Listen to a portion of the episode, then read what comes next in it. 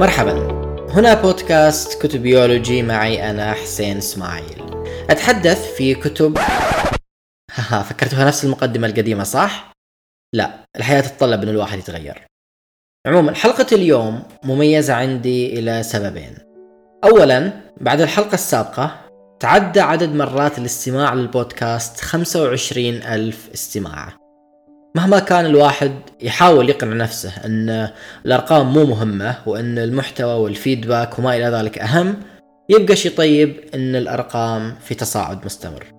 وهذا يعني على الأقل أني ما أجيب العيد بشكل ملحوظ زي ما أتصور أحيانا.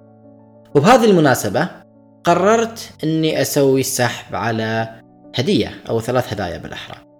فوش أنسب في بودكاست عن القراءة والكتب من أن الهدية تكون wait for it. كتب.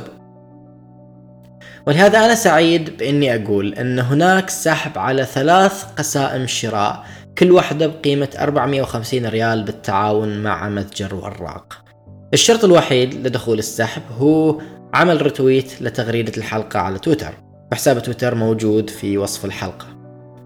بعد نزول الحلقة بفترة بأحط كل المعرفات اللي سوت رتويت حتى لو كانوا ثلاثة بس في ملف إكسل وبخليه هو اللي يختار ثلاثة فائزين عشوائيا.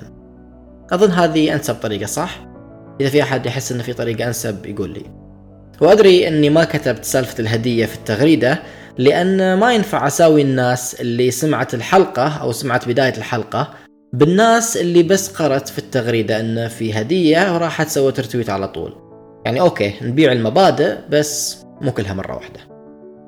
السبب الثاني اللي يخلي الحلقة مميزة بالنسبة إلي هو إنها تلامس موضوع دائما ما أنفعل لما أتكلم عنه وأتناقش فيه. ليش كتب المداخل الفلسفية مضيعة للوقت والجهد وإغفال لجوهر التفلسف؟ اللي متابعني على تويتر أكيد شافني أتكلم عن هالموضوع مليون مرة سواء بشكل مباشر أو لا. وأنا دائما أحاول أجيب طاريه على الطالعة والنازلة. وتوي أصلا قبل كم يوم مسوي رتويت إلى صورة قديمة حطيتها. كانت اقتباس من سيرة هشام شرابي. يذكر فيها كيف إنهم في الجامعة كان مطلوب عليهم إنهم يقرون النصوص الفلسفية الأصلية قبل ما يقرون أي مصادر ثانوية عنها. يعني كان البروفيسور ينهاهم عن قراءة أي مصادر ثانوية لين يحاولون على الأقل يتمكنون من النص الأصلي. والمفروض أصلا إن هذه الحلقة كانت عن منهجية القراءة أو عن كيفية البدء بمنهجة القراءة. لكن أيمن الله يسامحه خلاني أستعجل بالحلقة شوي فهذه هي. المهم كالعادة قبل ما أبدأ إذا كان عندكم أي اقتراحات أو انتقادات أو تعليقات تقدرون ترسلوها على الإيميل كتبيولوجي at gmail.com أو على حسابي بتويتر حسينزم. واثنينهم موجودين بوصف الحلقة. واعتذر الأصدقاء اللي تأخرت في الرد على إيميلاتهم بسبب الانشغال مؤخرا وأوعدهم برد قريب إن شاء الله. على كل حال موضوع الحلقة كبير شوي وربما من الأفضل إني أباشر فيه بدون ما أضيع الوقت في مقدمة طويلة. النقطة الرئيسية واضحة. الكتب المدخلية الفلسفية مضيعة للوقت والجهد والمال وكل حاجة. يمكن كل الكتب المدخلية كذي يعني سواء كانت مدخل في الفلسفة ولا مدخل في التاريخ ولا مدخل في الأدب بس ما علينا. أنا بركز في هالحلقة على الكتب المدخلية الفلسفية. تدعي هالكتب إنها تهيئ القارئ للدخول في عالم الفلسفة بحيث إنها تعطيه أرضية مناسبة تخليه مستعد للولوج في معمعة الميتافيزيقا والإبستمولوجيا والإتيقا والأنطولوجيا والكتبيولوجيا وغيرها من الخرابيط. لكن الحقيقة وهذا اللي ودي أقوله في هذه الحلقة أن هالكتب المدخلية تتسبب في تضييع البوصلة أكثر مما تساهم في الإرشاد. يعني بدل ما تعين القارئ على التفلسف أو البدء في إدراك بعض الفلسفات اللي يصير أنها تصنع قارئ مرتوت بس. أو زي ما يقولون البعض ناسخ. وفي أحسن الأحوال الكتب المدخلية تصنع قارئ متفذلك قادر على أنه يحشو أي شيء يقوله بمفردات وأسماء تبدو كما لو أنها تهول الكلام اللي قاعد يقوله وتخليه كلام واو. بس الحقيقة أنها تبين إيش قد هو خاوي. كل هالأشياء بتكلم عنها بالتفصيل. لكن قبل كل شيء لازم أوضح وشو أقصد بالكتب المدخلية.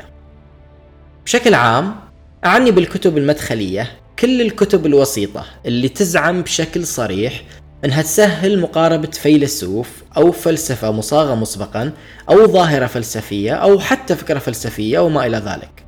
يعني الكتب من على شاكلة مدخل إلى أرسطو مدخل الوجودية مبادئ الفلسفة تاريخ الفلسفة عالم صوفي مقدمة في فلسفة العلم مقدمة قصيرة جدا في مدري وشو وبشكل عام هذا أيضا يشمل كل كتب التعليق والشرح الثانوية اللي يكون موضوعها أو هدفها تبسيط أو توضيح فلسفة أو فلاسفة أو ظواهر فلسفية أو أفكار.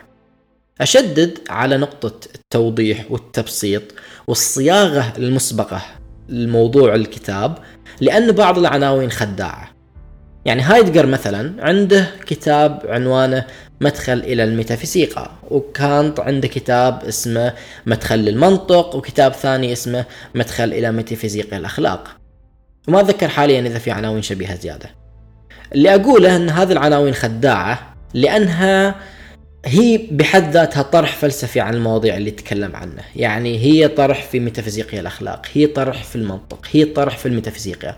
مو بالضرورة تحاول إنها يعني تلخص هذه الفكرة تاريخيا أو تقدم لمحة عنها عن طريق تجلياتها عند الفلاسفة وما إلى ذلك. لا فيه فرق نوعي بين هذه النوعية من الكتب وبين الكتب اللي تحاول إنها يعني تلخص فيلسوف تلخص فلسفة تقدم لمحة تاريخية عن موضوع. فالتساؤل حول أسس فكرة معينة لا يعني بالضرورة استعراض ما قيل عنها. لازم نفرق بين هالأمرين لأن هذا الشيء مهم. كتب المداخل اللي أعنيها في هذه الحلقة هي الكتب المعنية بالتبسيط والتوضيح والتلخيص وبكل الأشياء اللي تزعم أنها تختصر على القارئ وتهيئ له دخول عالم الفلسفة. هي الكتب الوسيطة بين القارئ وبين النصوص الفلسفية. والحقيقة أن هذه الوساطة بحد ذاتها هي أول اعتراض عندي على الكتب المدخلية.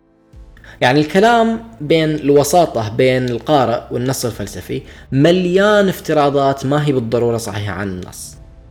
غير إنها تفترض أيضا نوع من العلاقة بين القارئ والفلسفة وافتراضات عن طبيعة الفلسفة.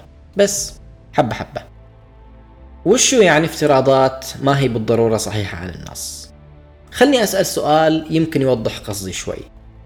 وش هو النص الفلسفي أصلا؟ يعني وش اللي يخلينا نوصف نص محدد بأنه نص فلسفي؟ هل هو المقصد من وراء النص؟ يعني إذا أنا ككاتب أقول أن كتابتي هذه فلسفية أو القصد منها فلسفي هل يعني ذلك أنه من اليوم ورايح لازم الكل يسميها فلسفة؟ ولا هل اللي يخلي النص الفلسفي هو جوهر الأفكار اللي يتطرق إليها النص؟ يعني إذا تكلمت عن فلسفة الدين فهل يعني بالضرورة أن كلامي فلسفي لأن موضوعه فلسفة؟ إذا تكلمت عن طبيعة النظام الديمقراطي أو الأسس الفلسفية إله هل كلامي بالضرورة فلسفي لأن تنظيري؟ ولا هل اللي يخلي النص الفلسفي فلسفي أسلوب كتابته؟ يعني إذا تكلمت عن موضوع معين بحجج وبراهين نظرية أو كتبت بشكل متكلف وعسر واستخدمت مصطلحات اللي يستخدموها الناس اللي يعني يقال عنهم فلاسفة أيضا هل هذا هو الأسلوب اللي أهل النص اللي أكتبه أن يكون فلسفي ككل؟ عموما هذه كلها تصورات عن طبيعة نص بطريقة أو بأخرى فلسفي بس كيف نصنف أيضا النصوص اللي توضع عادة تحت أجناس أخرى من الأساس زي الرواية يعني أكيد 90% منكم من اللي قرأ أو قعد يا واحد قرأ لميلان كونديرا مثلا سمع أنه روايات كونديرا فلسفية على أي أساس رواياتها فلسفية؟ على أساس أفكارها على أساس أسلوب تطرق إليها موضوعها وشو بالضبط؟ وهل عشانها رواية ما نقدر نقول إن فيها فلسفة من الأساس يعني خلاص هي مجرد عمل أدبي ولا فيها أبعاد فلسفية بس ما هي نص فلسفي؟ واضح من البداية إن إشكالية تصنيف النصوص الفلسفية ما هي شيء بديهي. تصنيف اللي ينتمي للفلسفة واللي ما ينتمي إليها ما هو عملية محايدة أو خالية من الافتراضات وما إلى ذلك. يعني صحيح في اتفاق جماعي على الطبيعة الفلسفية لبعض النصوص ولكن هذا ما يفسر ليش ما في اتفاق حول نصوص أخرى تحتوي على بعض الأبعاد اللي تحتويها هذه الكتب المتفق عليها.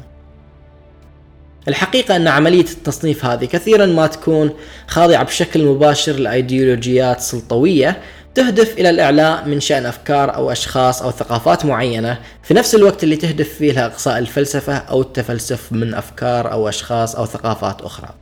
فعلى سبيل المثال السردية التقليدية لتاريخ الفلسفة واللي تقول أنها الفلسفة تبدأ من الإغريق مرورا بما قبل عصر النهضة بشوي ومن ثم عصر النهضة وعصر الإصلاح والتنوير إلى آخره. هذه السردية أحسن مثال على التسييس فيما يتعلق بالمجال الفلسفي. السردية التقليدية هذه جزء من خطاب مركزي أوروبي. وهو مرتبط رأسا بالهيمنة الغرب أوروبية على العالم. لكن برجع لهالنقطة بعدين فما بدخل في تفاصيل زيادة. كل اللي ودي أقوله عنها أن تصنيف النص الفلسفي أن تصنيف هذا الكتاب ككتاب فلسفة أو هذا كفيلسوف ومفكر وما إلى ذلك ما هي عملية مجردة من اعتبارات فلسفية أكبر. وغير هذا أنا طرحت إشكالية تصنيف النصوص الفلسفية لأن أدري أن في نزعة عند البعض لحصر الفلسفة على كتب الحجج والبراهين والإثباتات النظرية وما إلى ذلك. وهالإشكالية بكبرها اللي قاعد أطرحها محاولة للتساؤل حول هالحصر غير المبرر. الحقيقة أن أي عمل يتضمن تأمل حول ذات الإنسان أو تأمل حول علاقة هذه الذات باللي حولها هو عمل يتضمن أبعاد فلسفية. سواء كان حججي برهاني أو لا كل شيء يتضمن هذه العلاقة وهذا التأمل يمكن يعتبر أن في أبعاد فلسفية رواية شعر فيلم لعبة بلاي ستيشن مقالة ما في حصر للوسائط اللي ممكن هذا التأمل يتخذ فمو بالضرورة يتخذ العمل شكل حججي برهاني عشان يعتبر إنه في فلسفة أو عشان يعتبر فلسفي. وتاريخيا أصلا لطالما كان فيه أشكال أخرى للتفلسف إن صح التعبير. يعني فيه الحوارات اللي أصلا يعني ما ينذكر أفلاطون إلا تنذكر حوارات أفلاطون وياه. فيه الحكم والأمثال القصيرة اللي لين زمن نيتشه والناس كانت تكتبها بشي طبيعي.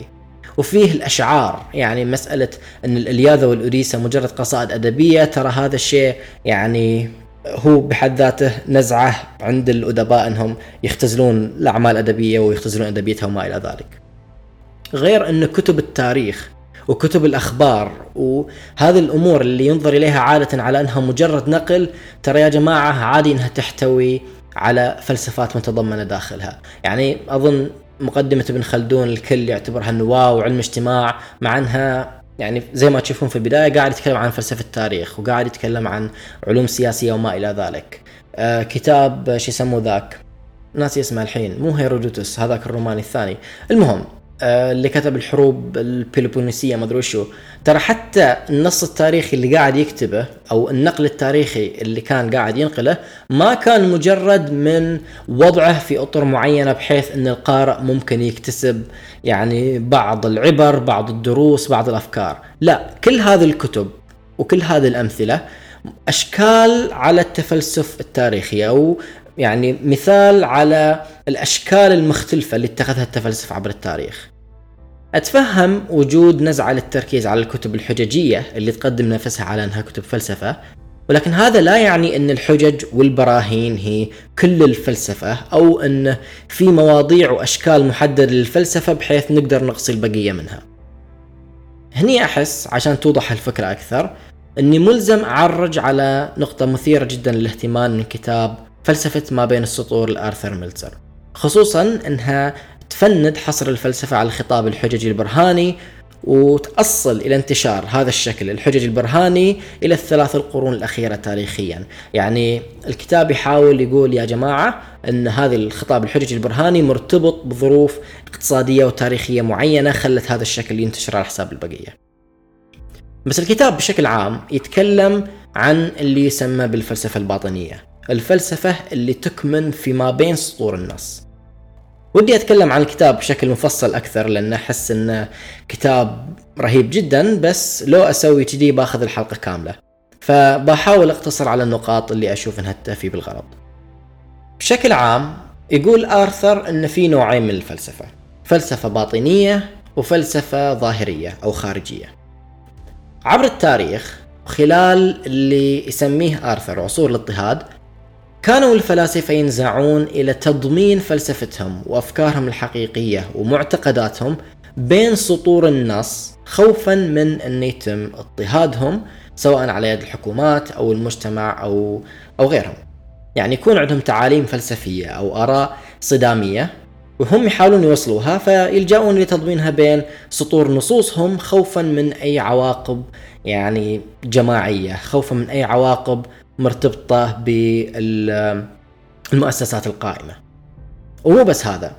يقول آرثر أن مفهوم الفلسفة بحد ذاته في هالعصور كان أقرب إلى كونها فن الحياة. أن الفلسفة كانت تحاول تعلم الإنسان كيف يعيش بطريقة أو بأخرى. يعني الفلسفة كانت بالضرورة شيء موجه إلى تحسين الذوات. إنها ذاتية أولا وأخيرا.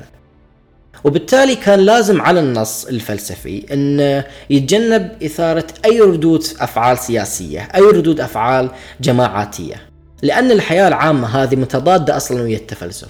التفلسف ذاتي لازم يكون موجه إلى الذوات. ما يهم إن الجماعات تفهمه ما يهم إن المجتمع يفهمها. المهم إن في ناس معينين قادرين على إنهم يفهموه فاللي كان يصير إن الفلاسفة يكتبون نصوصهم بشكل متسق ظاهريا ويا المعتقدات الشائعة فيما تكون تعاليمهم الفلسفية الحقيقية متضمنة بحيث ما يدركها إلا اللي عنده إقبال واستعداد لتلقيها. ومن منطقه هني أن الحجج والبراهين أو أسلوب الحجج والبراهين اللي يستعرض الأفكار والأطروحات بشكل مباشر ما يكون له مكان لأنه لعب على المكشوف ويعرض حياة صاحبها للخطر. ولكن في القرن الثامن عشر أظن ما ذاكر تحديدا يقول آرثر أنه صار فيه تحول جذري مو بس في مفهوم الفلسفة بل حتى في الشكل الرئيسي ليتخذ الخطاب الفلسفي. هذا التغيير كان مصاحب إلى الثورة العلمية ومترسخ في صعود الجامعات ومؤسسات التعليم العالي المبنية على أن الفلسفة تخصص بشكل عام. حسب آرثر صار في هالفترة تصور الفلسفة أنها مو خطاب ذاتي بل هي خطاب قادر على تطوير وتحسين المجتمعات. يعني ما صارت الفلسفة متعلقة بحياة الأفراد بس لا صارت خطاب قابل للتوظيف سياسيا. صارت شيء يمكن استخدامه لجعل الحياة أفضل للجميع. وبناء على هذا التحول صار لازم أن الخطاب الفلسفي يكون مباشر أكثر يعني أنه يكون بقدر الإمكان في متناول الجميع وأنه يستخدم أسلوب ظاهري صريح في طرح الأفكار والحجج وطبيعي أيضا إن هذا التغيير كان مصاحب إلى مناخ سياسي آه، يشجع على بعض الحريات الفردية فيما يتعلق مثلا بحرية التعبير وحرية المعتقد وما إلى ذلك. المهم انه صار يمكن للخطاب الفلسفي في بعض المناطق والدول إنه يطرح بشكل مباشر بدون الخوف بالضرورة من بعض العواقب اللي كان الفلاسفة يتعرضون إليها في السابق. طبعا الطرح بشكل مباشر وإتاحة الفلسفة للجميع لا يعني إن الجميع المفروض يكون قادر على فهمها. هني في إشكاليات متعلقة بالاختصاص وبطبيعة النزع على احتكار الأدوات المصطلحات وما إلى ذلك، لكن هذا موضوع ثاني بتكلم عنه بشكل وجيز في النهاية. الشاهد من كل هالهذره أن مفهوم الخطاب الفلسفي بوصفه خطاب حججي برهاني ما يلغي بقية أشكال الخطابات وبالتالي محاولة حصر النصوص الفلسفية على أشكال معينة هي دائما محاولة فاشلة ومجرد نزعة لإحكام تراتبية هرمية فيما يتعلق بالتفلسف. يعني ظاهر الموضوع أن الحجج والبراهين هي الشكل الأنسب للفلسفة. لكن باطنه سلب حق التفلسف من الناس وحصره على خاصة ونخبة ومهرجين لغويين وغيرهم. وصدقوني هالفكرة أي أن الحجج والبراهين هي الأسلوب الأمثل ما هي مستقلة عن الادعاء بأن الإلمام بالمنطق الصوري مثلا شرط رئيسي لتعلم الفلسفة.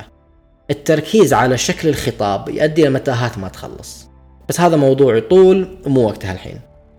زين كل هذا للحين محاولة للحديث عن كيف انه تصنيف النصوص الفلسفية مرتبط بمعنى وأشكال محددة للفلسفة والخطاب الفلسفي. كتب المداخل الفلسفية وهي اللي أتكلم عنها في هذه الحلقة تكرس هذه التصورات المغلوطة وترسخها زيادة طالما هي مبنية على هذا النوع من الافتراضات عن النص الفلسفي وعن شكل الفلسفة. يعني السالفة مو بس إن هالكتب تتناول نوع محدد من النصوص مثلا، لا، السالفة انه حتى ضمن النص اللي تتناوله الكتب المدخلية يكون فيه عملية تصفية للي يمكن اعتباره جزء من التفلسف وللي ما يمكن اعتباره جزء من هذا التفلسف. يكون فيه تأطير للأفكار كما لو أنها تشكل نظام أو نسق معين بحسب ارتباطها بالحجة والبرهان. بطبيعة الحال يتم إقصاء أفكار أخرى من هالنظام كما لو أنها مجرد زوائد وحشو فارغ. يعني الموضوع يكون بالقرب من الحجة والبرهان يعتبر الموضوع فلسفة وبالبعد عنها ما يكون فلسفة. أتمنى تكون الصورة واضحة لأن في بعض التفاصيل بتكون أوضح في الاعتراضات الثانية.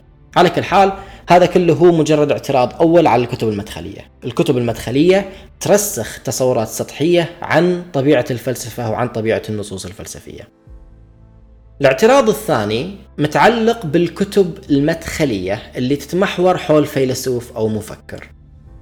تحاول هذه الكتب بشكل عام تقديم لمحة موجزة عن حياة الشخص قبل ما تتفصل في نظامه الفكري وفلسفته وما إلى ذلك. وعشان لا أحد يجي يستهبل لي مو بالضرورة هذه الكتب تكون مستقلة. يعني أنا مو بالضرورة لازم أشوف كتاب اسمه مدخل إلى هايدجر عشان أقول إن هذا ذاك. لا عادي الكتب المدخلية أو النصوص المدخلية تكون جزء من كتاب. المهم أن يكون فيه مدخل هالفيلسوف يمكن أغلب اللي اطلعت عليه فيما يتعلق بهالنوع من المداخل يتناول الفلسفة من زاوية تحليل نفسي إن صح التعبير. يعني تصير الفلسفة أو المنظومة الفلسفية المزعومة ناتجة عن المواقف والحياة اللي عاشها الفيلسوف فتصير كل الفلسفة كما لو أنها ردة فعل على هذه المواقف. أوه نيتشه يمتلك آراء فلسفية دونية عن المرأة؟ هذا لأن حبيبته رفضته مدري وشو. طبعا هذا مو شيء سيء بحد ذاته. يعني أكيد كلنا تصير لنا مواقف بحياتنا تأثر علينا وتأثر على طريقة نظرتنا للأمور. لكن المشكلة تكمن في عزل الحياة الشخصية عن سياقات أكبر. بعبارة أخرى تكمن المشكلة وتتفاقم وقت ما تم تصوير الفلسفة على أنها منتج مباشر للوعي في الحياة الشخصية الفردية. يعني كما لو أن هذا الوعي مستقل عن أي سياقات أكبر. ولأني قاعد أشتغل على ورقة بحثية بأتطرق فيها إلى تطبعنا الاجتماعي في أبسط الأمور بحياتنا اليومية فما بأحرق كل شيء هني. اللي ودي أقتصر عليه أني أقول أن المعاني اللي نكونها عن المواقف في حياتنا ما هي مستقلة عن أطر معنى اجتماعية أكبر من مجرد ذاتنا وأكبر من مجرد حياتنا الفردية. وبالتالي تناول الظروف الاقتصادية والاجتماعية اللي عاش ضمنها الفيلسوف وأنتج فلسفته فيها ما يقل أهمية عن تناول حياته الشخصية. اللغة اللي يستخدمها أصلا في كتاباته وأطر المعنى اللي نشأ في كنفها ما هي شيء ذاتي ولازم التحليل يتجاوز الذات. إنزين هذا الجزء الأول من الاعتراض على هالنوع من الكتب المدخلية. في اعتراض زيادة إلى نظير في كتب المداخل حول الأفكار الفلسفية اللي بتكلم عنها بعدين. هذا الاعتراض مبني على قولبة الفيلسوف بمعنى تنحو كتب المداخل هذه إلى تنميط الفلاسفة وقولبتهم سواء ضمن خط فلسفي محدد أو ضمن مجال محدد يعني خلينا نفترض أن أحد جاي لك عزيزي المستمع أو عزيزتي المستمعة وطلب منك كتابة مدخل إلى فلسفة ماكيافيلي وش أول محاور الكتاب اللي تبادر لذهنك؟ الغاية تبرر الوسيلة كتاب الأمير تجريد السياسة من الأخلاق تزلف ماكيافيلي إلى دي ميديتشي المهم أظن واضح هذا التوجه في التصور الشائع عن ماكيافيلي. يعني عطفا على النقطة الأولى اللي تقول بأن هناك تصور محدد عن الفلسفة وشكل محدد للتفلسف. فمسرحيات ماكيافيلي وتاريخ فلورنس اللي كتبهم ما بيكونون بالضرورة جزء من هذا المدخل اللي بنكتبه عن فلسفة ماكيافيلي. يعني كتاب الأمير وكتابه عن ليفي وبعض الكتابات الأخرى أكيد هي اللي بتشكل الثقل الأكبر. لكن الشيء الثاني اللي قاعدين نسويه هو إن ماكيافيلي بحد ذاته بيوضع ضمن القالب المعتاد له بأنه فيلسوف سياسي. الكتاب المدخلي اللي بنكتبه أو الكتاب المدخلي وبعض الكتب المدخلية الموجودة على ماكيافيلي تتكلم عنه كما لو أنه ما إلى أي حاجة في الحياة وما إلى أي دور سوى أنه فيلسوف سياسي فحتى لو تم تضمين بعض أفكاره الأخرى غالبا بيتم إخضاعها إلى كون شغله الرئيسي تفلسف سياسي. بيتم إخضاعها إلى فلسفته السياسية. في كتاب عن ماكيافيلي ضمن سلسلة كامبريدج المدخلية أو اللي يسموها ال Companion يضم الكتاب 16 مقالة لكتاب مختلفين.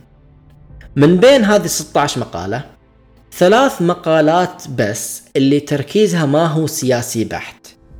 في مقالة عن البلاغة ومقالة عن الشعر ومقالة عن الجندر. كل هذه المقالات طبعا تناول هالابعاد في فكر ماكيافيلي نفسه. باقي ال 13 مقال كلها تتمحور حول فلسفة ماكيافيلي السياسية. إنزين يمكن أحد منكم يعترض. مو أصلا ماكيافيلي أغلب كتاباته سياسية. يعني عندك كتاب الأمير وكتاب Discourse on Livy واللي أيضا يعتبر عمل فلسفة سياسية.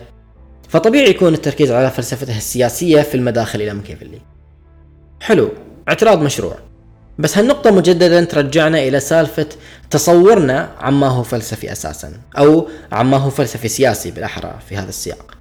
يعني يصير عندنا تصور مسبق عن ماهية السياسة وحدودها ومواضيعها ومن ثم نشوف تجليات هذا التصور اللي نمتلكه في كتابات ماكيافيلي بتكلم عن نقطة يعني قولبة الأفكار في الاعتراض الجاي.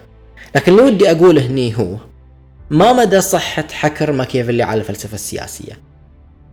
بطبيعة الحال بيكون الجواب إن أي واحد يشوف إن ماكيافيلي مجرد فيلسوف سياسي ومدري وشو بحيث يهمل بقية الأبعاد في كتبه فلا شك انه لسه ما استوعب ماكيافيلي بما فيه الكفاية.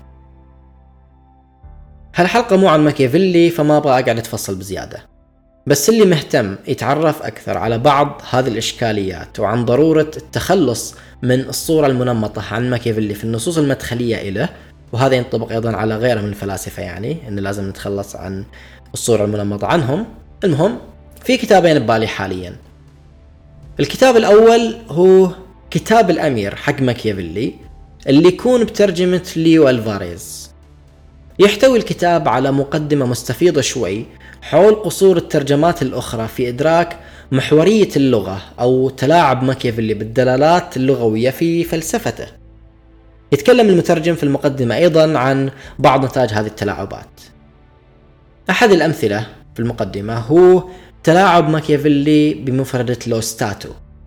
يقول ألفاريز أن الترجمات الإنجليزية الأخرى ترجمت المفردة سياقيا يعني نفس lo stato ترجمت إلى الدولة الأمارة وما أدري وشو بحسب السياق. لكن اللي يقوله ألفاريز هو أن ماكيافيلي ما استخدم مفردة lo stato في سياقات مختلفة عشان كان بباله معاني سياقية مختلفة مرادفة. لا اللي يقوله أن ماكيافيلي كان عنده استخدام خاص وذكي للمفردة بحيث تكون هال lo stato خاصية للأمير إن صح التعبير. مو أن قاعدين نتكلم عن بقعة جغرافية اسمها الدولة. المهم أحس إن الاطلاع على ترجمه ألفاريز مهم لإخراج ماكيافيلي وفلسفته من التنميط. فيه أيضا كتاب ثاني اسمه Thoughts on Machiavelli إلى ليو شتراوس. ما قرأت الكتاب كاملا ولكن الكاتب ينطلق فيه من فكرة إن أي محاولة إلى فهم ماكيافيلي تتطلب فهمه مو في سياق تأسيس فلسفة سياسية حديثة، لا، في سياق فلسفة كلاسيكية.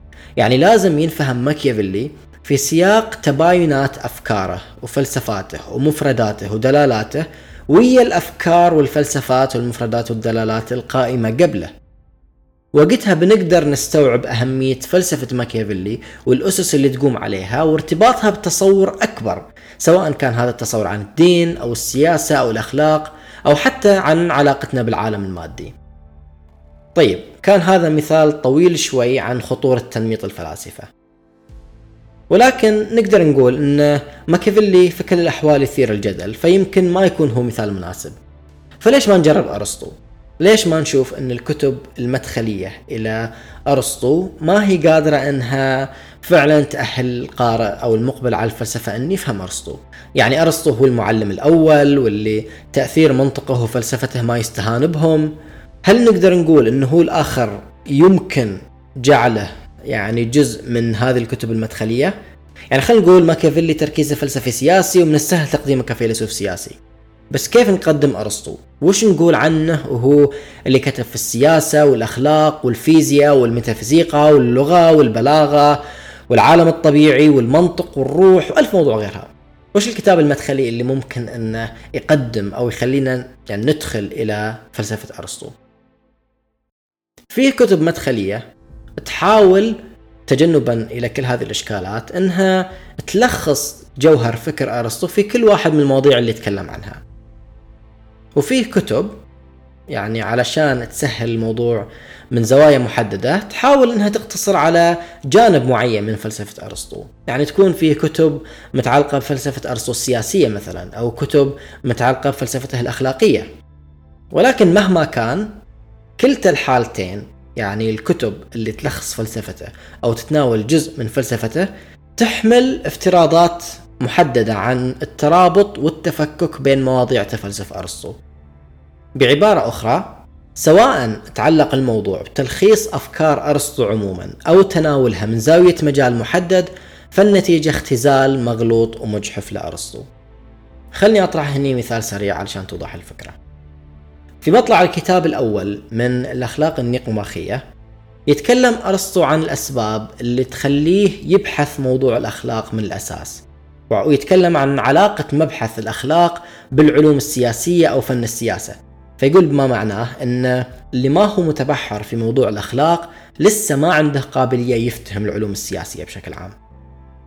يعني نقدر نقول أن فهم كتاب السياسة لأرسطو مرهون كذلك بفهم كتاب أخلاقه النيقوماخية لأن أرسطو بحد ذاته يشوف أن فهم الأخلاق أو التبحر في فلسفة الأخلاق شرط ضروري للتبحر في فلسفة السياسة أو العلوم السياسية. طيب لما نقرأ الأخلاق النيقوماخية نشوف أن أرسطو أيضا يتكلم عن الروح وأرسطو بحث الروح في نصوص أخرى. واللي يطلع على بحثه في الروح بيشوف أنه يتكلم عن المخلوقات الحية بأنها تتكون من جسد وروح فهني نرجع إلى أيضا أبحاث أرسطو فيما يتعلق بالمخلوقات الحية.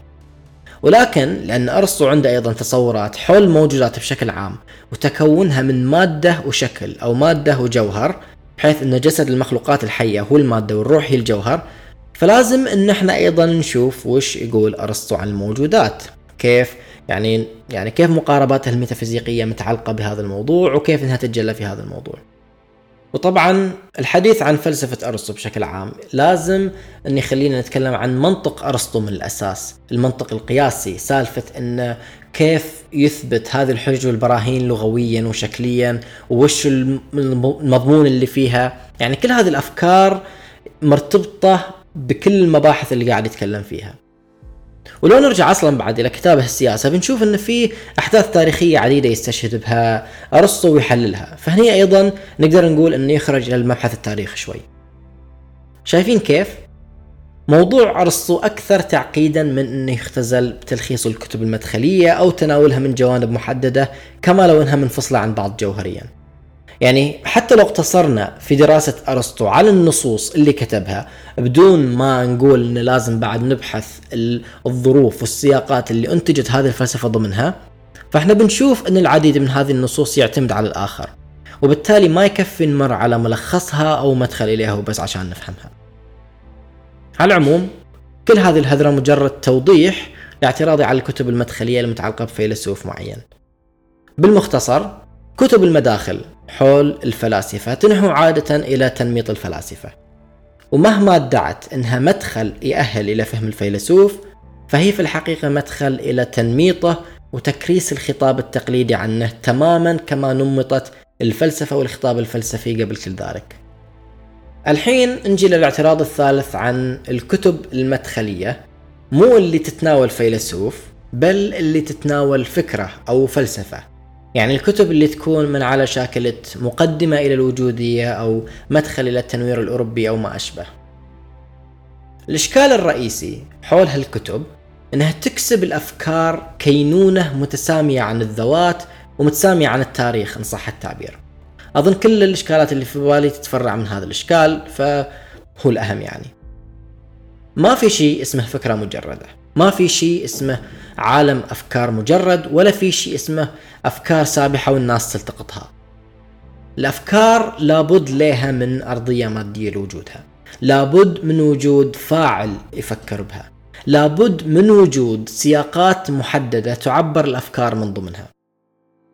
لكن اللي يصير أن الكتب المدخلية للأفكار تتجاهل كل هذه الأبعاد وتقتصر على تناول الأفكار في مثاليتها. يعني تخلي الأفكار تبدو كما لو أنها موجودة مسبقا بمعنى محدد وبعدها تتناول الأفراد والفلاسفة تاريخيا في سياق تعبيرهم عن هذا المعنى بطريقة أو بأخرى، بغض النظر عن كل الحيثيات المرتبطة بهذا التعبير.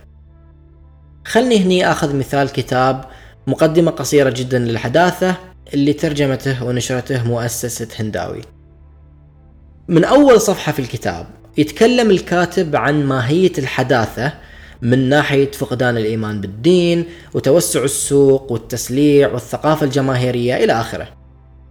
وبعد ما يعرف الحداثة على طول يروح يتكلم عن تجليات الحداثة أو عن الحداثة في الأعمال الفنية. والفنية هني تشمل الأدب يعني الفن بمعناه العام. زين وش اللي صار هني؟ في هذه المقدمة وهذا الفصل وش اللي صار بالضبط؟ تم في البداية تعريف فكرة اسمها الحداثة وتم تحديد صفاتها أو تجلياتها. وبعدها تناول الكتاب المدخلي وجود الحداثة وتجلياتها في الأعمال الفنية. ونشوف أنه في الفصول اللاحقة اتطرق إلى صفات الفنان الحداثي وتطرق أيضا إلى الحداثة السياسية وتأثيرها المزعوم على مفاهيم أخرى زي مفهوم الفردي ومفهوم الجماعي وما إلى ذلك. وطبعا زي ما صار في مفهوم للحداثة أو مفهوم لما هو حداثي فصار في أيضا مفهوم لما هو تقليدي. وبعدين صار في مفهوم إلى ما بعد الحداثة وما بعد بعد الحداثة ويمكن بكرة بيصير عندنا ما بعد قبل بعد الحداثة وهكذا. كل هالمصطلحات الرنانة تم معاملتها كما لو إنها شيء حقيقي له سطوته بحيث تتصنف الحياة وفق ضوءه. تم إخراج الحداثة من الإطار الفكري اللي نشأت فيه وتم نقلها للواقع. صار في أعمال مؤسسة للحداثة وأعمال قبل حداثية وأعمال حداثية كلاسيكية وصار في أعمال تظهر فيها بوادر الحداثة بس ما هي حداثة حداثة. يعني تم اعتبارها أنها أعمال ممهدة للحداثة. وصار في مجتمعات حداثية ومجتمعات بحداثة ناقصة. يعني صار صارت فكرة الحداثة كما لو أنها تقسم العالم إلى قبل وبعد. مجرد ما صار في شيء اسمه حداثة خلاص تغيرت الحياة كليا. بس سبحان الله كيف يتم تعريف هذا الحداثة ما أدري وشو؟ ما حد يتطرق إلى هذا الموضوع. المهم كلنا نتفق إنه صار في حداثة وتغيرت الحياة بعد هذه الحداثة. وهذا طبعا أمر خطير جدا. يعني تحويل الحداثة من هذا الإطار الفكري إلى الواقع الملموس ينتج العديد من المخاطر والعديد من المتاهات اللي لازم نطلع أنفسنا منها. واللي يبغى يشوف مثال واضح على اللغط الناتج من إخراج الأفكار بشكل عام من سياقاتها ومعاملتها كما لو إنها تمتلك حقيقة متسامية عن الواقع والتاريخ يطلع على مقدمة كتاب حكاية الحداثة الغذامي بس المقدمة تكفي. في النسخة اللي عندي المقدمة تبدأ في صفحة خمسة وتنتهي في بداية صفحة 11 يعني تقريبا ست صفحات وربع. السؤال اللي بقوله كم مرة وردت مفردة الحداثة بمشتقاتها في هذه المقدمة.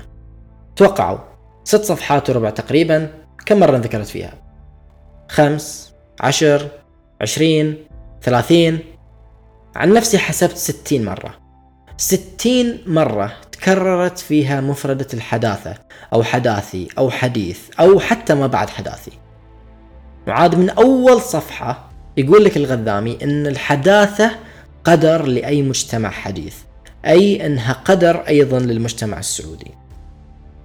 إذا في أحد عنده اهتمام في استلاب المثقف وامتصاصه للأدوات الغربية المهيمنة وإعادة إنتاجه إلى نفس الخطابات اللي استخدمت في إخضاعه فهذا الكتاب غالبا بيكون مليان أمثلة. أنه ياخذ هذه الحداثة واللي هي مجرد مفهوم فكري مفهوم تنظيري مفهوم فلسفي ويعاملها كما لو أنها شيء حقيقي شيء ملموس شيء محتوم جزء من عملية تاريخية محتومية لا فرار منها. هذا بحد ذاته أحد المخاطر الناتجة عن تنميط الأفكار وإخراجها من سياقاتها التاريخية. فيه ورقة ذكية إلى كوينتن سكينر عنوانها المعنى والفهم في تاريخ الأفكار. بغض النظر عن بعض الإشكالات اللي في الورقة في تفاصيل حديثة عن المقاصدية إلا أن سكينر تطرق إلى نقطة مهمة فيما يتعلق بتاريخ الأفكار بشكل عام. هو طبعا يرفض تاريخ الأفكار ككل ويقول أن تاريخ الأفكار مبني على افتراضات خاطئة تخلي مضاره أكثر من ثماره. لكن اللي يهمني هني مو هذا الرفض بل تحليله إلى اللا تاريخية اللي ذكرتها قبل شوي. اللا تاريخية في سياق الأفكار الفلسفية تعني الانطلاق من تصور معاصر إلى الفكرة ومحاكمة الفلاسفة في الماضي بحسب قربهم أو بعدهم من هذا التصور. مو بس يعني سالفة تنميط إلى الفلاسفة والأفكار لا. اللي يصير مثلا زي ما سوت مقدمة قصيرة جدا للحداثة اللي ذكرتها قبل شوي. بعد صياغة مفهوم وخصائص هذه الحداثة يتم تصنيف وإقصاء الأعمال والفنانين وما إلى ذلك بحسب استيفائهم لهذا المفهوم وهذه الخصائص. يعني يقال هذا عمل حداثي وهذا لا. هذا مجتمع حداثي وهذا لا. إلى آخره. وغير هذا التصنيف والإقصاء يشير سكينر إلى أن يصير هناك أيضا محاكمة إلى الفلاسفة وقت ما شطحوا عن المفهوم المثالي للفكرة. يعني فكرة أن في كتاب ممهدين للحداثة هو أنهم تقربوا من تصورنا المعاصر للحداثة. يعني إن بحكم استيفائهم إلى بعض الشروط صار إنهم ممهدين للحداثة، وفي نفس السياق ممكن يقال عن المجتمعات إن صار فيها حداثة ناقصة أو حداثة غير مكتملة لأنها استوفت بعض الشروط بدون ما تستوفي أخرى. وزي ما قلت قبل شوي إن هناك أبعاد سياسية متضمنة في تعريف الفلسفة وتعريف من إلى حق التفلسف فتأصيل الحداثة وأي فكرة غيرها واحتكار مفهومها وصياغتها وتصويرها كحتمية تاريخية هو الآخر جزء من سرديات وخطابات سلطوية. مقدمة كتاب Provincializing Europe للمؤرخ البنغالي ديبش شاكرابارتي تسلط الضوء على مسألة تغلغل بعض المفاهيم زي الحداثة والمواطنة وسيادة الشعب والعدالة الاجتماعية بالإضافة إلى تغلغل أنماط التفكير المرتبطة بها في الأبحاث الاجتماعية بشكل عام. يقول شاكرا بارتي أن نتيجة هذا التغلغل هو رؤية العالم وفق محورية أوروبية أو محورية غرب أوروبية بالأحرى. يعني يتم النظر للعالم ضمن الأجناس المتمحورة حول الفوقية والتقدم الأوروبيين المزعومين وكونهم في طليعة العملية التاريخية وأن باقي الشعوب تحاول أنها تلحقهم. إنزين نرجع الحين. وش علاقة كل هذه الهدرة بموضوعنا؟ الكتب المدخلية للأفكار الفلسفية تعيد إنتاج هذه السرديات السلطوية وتعيد إنتاج هذا التجريد للأفكار من سياقاتها التاريخية. اللي يصير أن هذه الكتب تأخذ فكرة فلسفية معاصرة وتبحث عن الجذور المزعومة إليها في الماضي. وبالتالي في حالة اعتبار أن هذه الفكرة اللي نتناولها تقدمية فالنتيجة مثلا أن التقدمية طبعا كما لو أنها عملية تاريخية حتمية. زي ما قالوا أن الحداثة قدر لأي مجتمع حديث. أصلا ليش نروح بعيد؟ لو ناخذ فكرة الفلسفة بحد ذاتها ونطلع على الكتب المدخلية لتاريخ فكرة الفلسفة نشوف إنها غالبا تتوجه إلى رسم السردية التقليدية اللي ذكرتها بداية الحلقة. إن الفلسفة تبدأ ويا الإغريق وتختفي فترة سبحان الله بعدين ترجع إلى أوروبا فيما بعد العصور الوسيطة وما إلى ذلك. هذا الشيء موجود في عالم صوفي اللي الناس طايرة به كأنه أعظم تاريخ فلسفة انكتب. وينطبق أيضا على تاريخ الفلسفة الغربية اللي كتبه برتراند راسل أيضا. يعني هو صحيح حدد واقتصر في كلامه على أنه بيتكلم عن الفلسفة الغربية. يعني ما قال بيتكلم عن الفلسفة بشكل عام. بس الاطلاع على كتابه وإلى الفلاسفة اللي يتناولهم والمواضيع عند بعض الفلاسفة اللي يتناولهم أيضا يرجعنا مجددا إلى اشكاليه تصنيف النص الفلسفي والفلاسفة وتنميطهم. ويرجعنا أيضا إلى أو يورينا الإشكالات المتعلقة بتاريخ فكرة الفلسفة نفسها. وهذا يجرنا للتساؤل عن فلسفة وتاريخ الأفكار بشكل عام. أحس طولت في هذه النقطة أكثر من اللازم، لهذا بأنتقل للاعتراض الرابع والأخير على الكتب المدخلية. ربما اللي تابعني على تويتر شافني أتكلم كذا مرة عن سالفة الرجوع لأمهات الكتب في أي مجال يكون القارئ مهتم فيه وهذا يشمل الفلسفة؟ يعني حرفيا أقول أن المفروض الواحد يبدأ يبحث عن وش اللي يعتبر كلاسيكي في المجال اللي هو مهتم فيه ويطلع عليه مباشرة حتى لو حس في البداية أنه مو مؤهل للموضوع تماما. هذه السالفة أو هذه العودة إلى أمهات الكتب راجع عندي إلى سببين. اولا عطفا على كل اللي ذكرته. المفروض يكون واضح إن الكتب المدخلية تقيد آفاق القارئ قبل ما يبدأ حتى. لا أحد يسوي فيها إنه ما يتأثر بالآراء المسبقة عن الكتب والأفكار. الكتب المدخلية تمنهج الأفكار المسبقة هذه وتحطها في قالب يزعم إني يمهد إلى فهم الفيلسوف أو الفلسفات. أوه ماكيافيلي الشيطان الأكبر؟ ياي أكيد فلسفته شريرة. هوبز ينادي بالدولة الشمولية؟ لا كخة يا بابا. نيتشه متفلسف فاشل وفاشي وممهد للنازية وكان يعتقد بأنه أو كان يعتقد بوجود مستقبل الإنسان سوبرمان متفوق جينيا يا ستيفن بنكر أكيد فلسفته ضالة مضلة ويجب التحذير منها.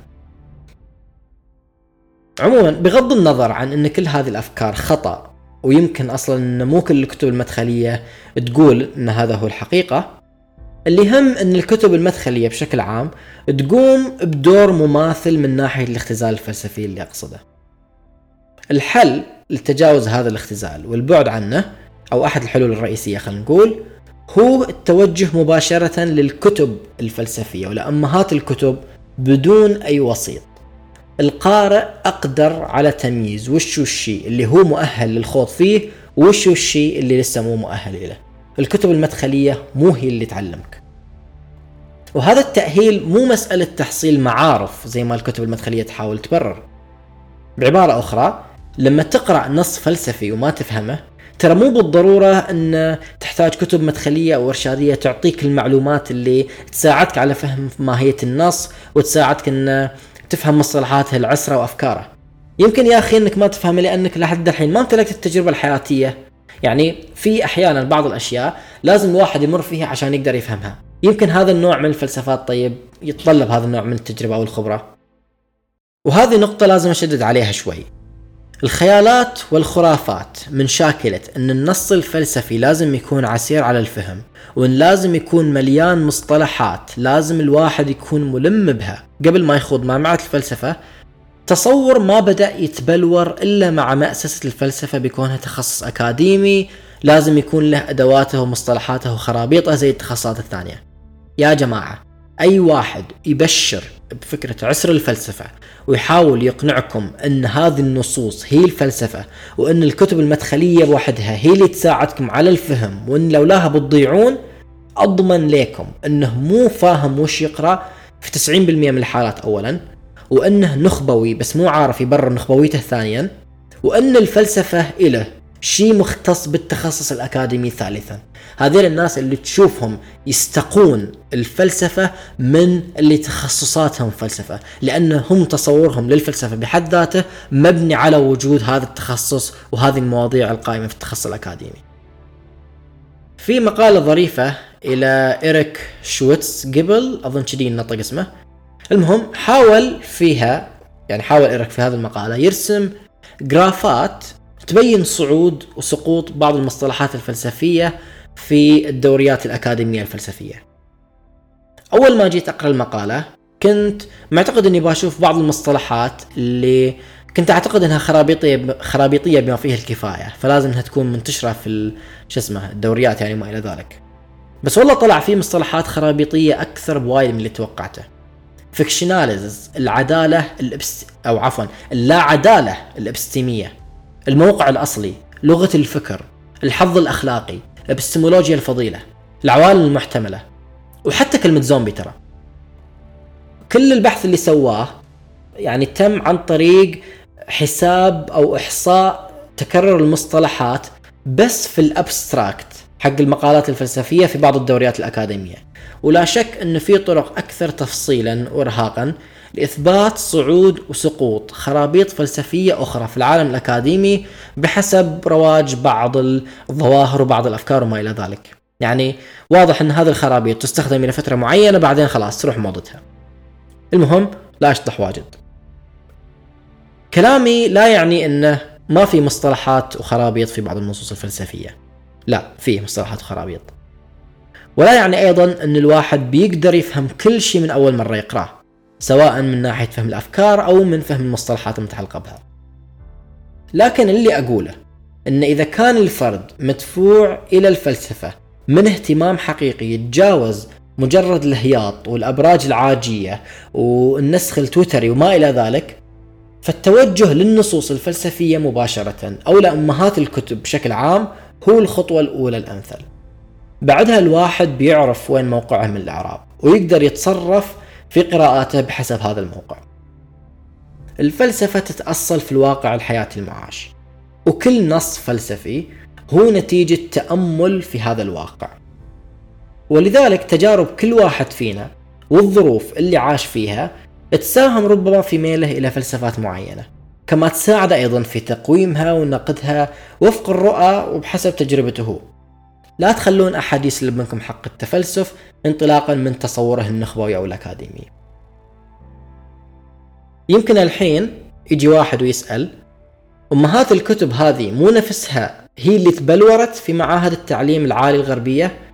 يعني أمهات الكتب بحد ذاتها أو تعريف أمهات الكتب مو شيء متعلق بالعالم الأكاديمي؟ يعني قاعد الطالب باللي قبل شوي تنتقده يا معه.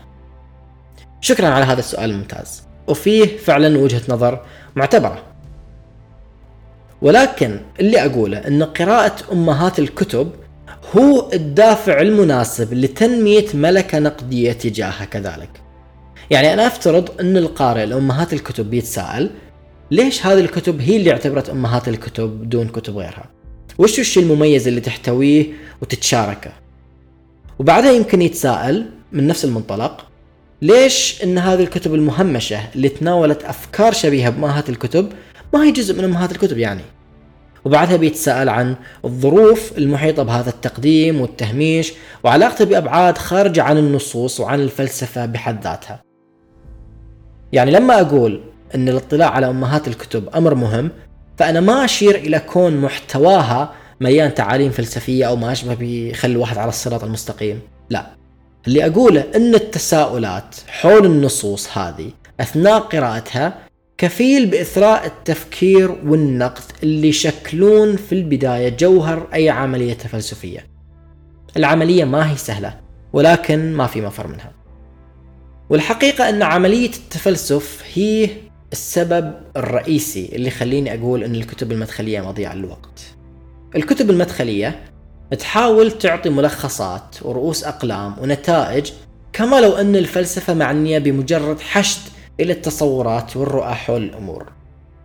هذا أمر خطير جدا ولهذا خليته للأخير عشان أختم الحلقة بتنفيسة محترمة.